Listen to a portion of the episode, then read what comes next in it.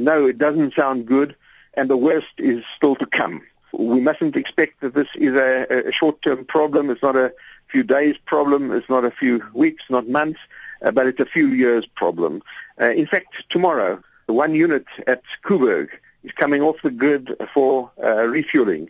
So it will be down for about a few months while they refuel it and they do uh, extensive maintenance at the same time as they do the refueling. But the 900 megawatts coming off the grid at a critical moment like now has its impact. Uh, you know, at the same time, we, we're having outages at, uh, for example, at Majuba Power Station, 1,800 megawatts off the grid. Half the power station is down because of the silo collapse. At Duvha, there's a, a 600 megawatt generation unit that is down, you know, uh, following a boiler rupture. This has been down for nine months and they haven't even started repairing the boiler. They're still wrangling over the insurance claim. To my mind, this is penny wise and pound foolish. They should get on with it and fix it and argue about the, insurance later. Then, of course, at the Lethabo power station, they've got problems with ash handling and reduced output of the power station uh, uh at Lethabo. And yesterday it was announced two units at uh, Tutuka power station were down uh, for one reason or another, I think boiler problems.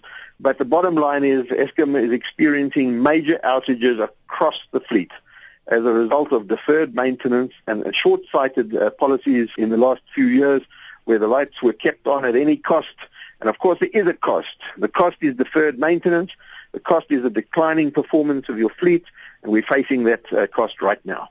Jelen sê verder dat Eskom vroeër beerdkrag sou ingestel het as die wêreld se oë nie op Suid-Afrika gefestig was in Davos, Switserland by die Wêreldekonomiese Forum nie. Eskom told us that uh, you know the second half of January, February, March, April, their load shedding schedules are all red every day, every working day. So this is not ex- uh, unexpected. What what is unexpected is, is the fact uh, that that it didn't come earlier. Uh, in fact, the last week uh, during Davos, during the World uh, Economic Forum in Davos, there was no load shedding, and one wonders whether this was perhaps a, a political decision to keep the lights on during that uh, period.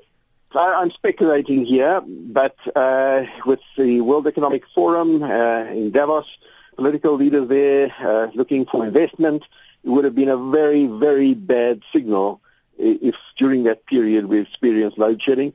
A uh, little different, I guess, uh, from the uh, political decisions that were taken uh, during the World Cup uh, and also in the lead up to and during the elections last year. it would have been very bad politically to, to experience load shedding in those periods. Hy sê dat Eskom letterlik stuk vir stuk uitmekaar val. Elke dag is 'n krisis. Normally, Eskom try and keep unplanned breakdowns to a level of 10% of the fleet, which is 4,000 megawatts. But yesterday, it reached uh, unprecedented levels of 10,500 megawatts.